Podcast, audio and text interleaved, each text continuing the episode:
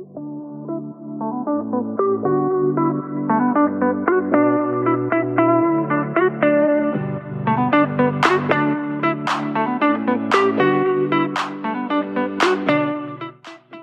kwam een ontzettende inspiratieboost op. Althans, gewoon een soort drive om dit even met je te delen. Dus ik ga er een korte, maar concrete aflevering van maken. Maar luister, schrijf mee en doe hier wat mee. Ik heb dit ooit al een keer benoemd in een podcast. Maar ja, je weet het, hoe het werkt. Uh, herhaling is key. Dus we gaan het gewoon herhalen, maar dan veel uitgebreider.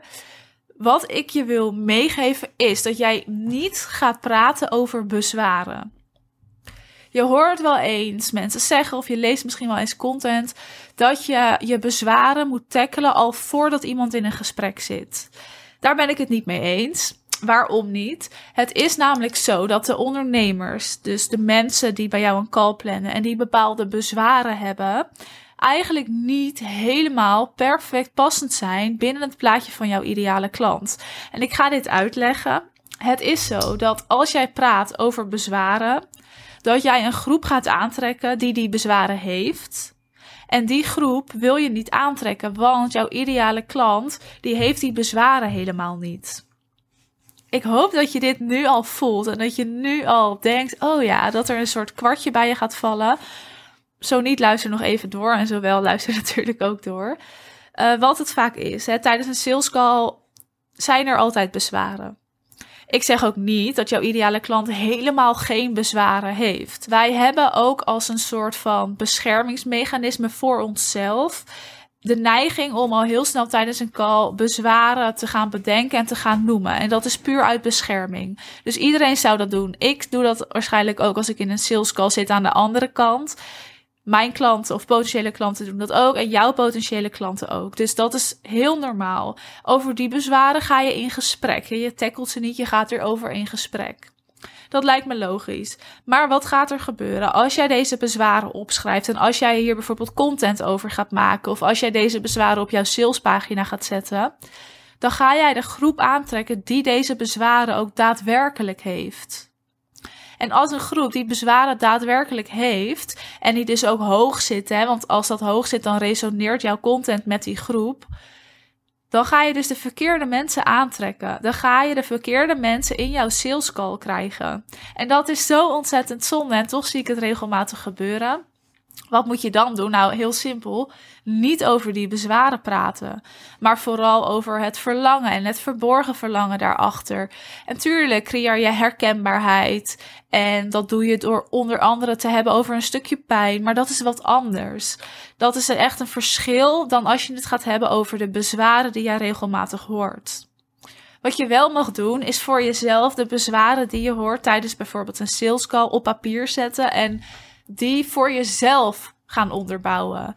Dus vraag jezelf eens af: zijn dit echte bezwaren of zegt iemand dit ook uit een stukje bescherming voor zichzelf? Want wat ik vaak zie tijdens een sales call, en ik had het van de week toevallig weer. Zij zei iets en ja, ik weet niet of ik dit moet delen, want het is een beetje persoonlijk. Ik ga even een ander voorbeeld nemen. Een heel simpel voorbeeld geld. Dat is natuurlijk een bezwaar wat regelmatig voorbij komt. Als ik iemand wel eens uitnodig voor een call, bijvoorbeeld via de DM, dan zegt iemand wel eens van tevoren al: lijkt me heel erg leuk, maar ik wil wel even meegeven dat ik niet veel ruimte heb om te investeren.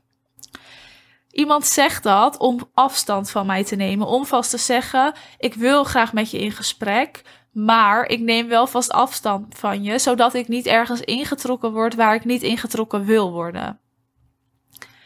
Wat er dan gebeurt, is dat iemand dus een bezwaar vertelt die misschien niet kloppend is en misschien ook wel, maar dat weet ik niet. Daar kom ik pas achter in een call. Ik laat dat altijd los. Als iemand dat zegt, ik ga altijd het gesprek aan zoals ik elk gesprek aanga. Heel open en oprecht. Kijkend of het een match is en of het passend is. En daarna praten we pas over het programma of de investering. Dus dat komt later. Eerst wil ik iemand leren kennen en wil ik voelen: past dit? Zijn we een match? Kan ik jou oprecht verder helpen of niet? Zo niet, doe ik mijn aanbod niet. Zowel, dan kan ik mijn aanbod doen, daar kan ik voor kiezen. En dan komen die punten wel naar boven. En dan komen ook andere bezwaren vaak naar boven, maar daar kunnen we over praten. Dus ik hoop dat je nu ook voelt, en ik denk het wel, want ik leg het wel uh, fatsoenlijk uit volgens mij. Maar in ieder geval dat we geneigd zijn heel snel een bezwaar naar boven te halen uit bescherming. Zodat we dus alvast die afstand gaan creëren. Daar mag je van mij niks van aantrekken. Dus trek je daar maar niks van aan. Ga gewoon het gesprek aan. Maar nogmaals, als je dus die bezwaren gaat benoemen in je content, op je website, op je salespagina, ja, dan ga je de groep aantrekken die ook daadwerkelijk die bezwaren heeft. En dan worden je sales calls veel stroever, wordt het veel ingewikkelder. Het heeft dus alles te maken met hoe je communiceert, waarover je communiceert. Ook een stukje positionering en natuurlijk met wie je in gesprek gaat en hoe het kwalificatieproces daarvan is. Heel interessant onderwerp, dus niet meer praten over bezwaren. Wil je hierover in gesprek? Laat het me weten. Stuur me ook even een DM als je hebt geluisterd. Daar ben ik je echt ontzettend dankbaar voor. En ben je een trouwe luisteraar of luister je regelmatig en heb je de podcast nog geen sterren gegeven? Wil je dat dan doen? Dat is voor mij ontzettend fijn om te zien en dat waardeer ik ook enorm.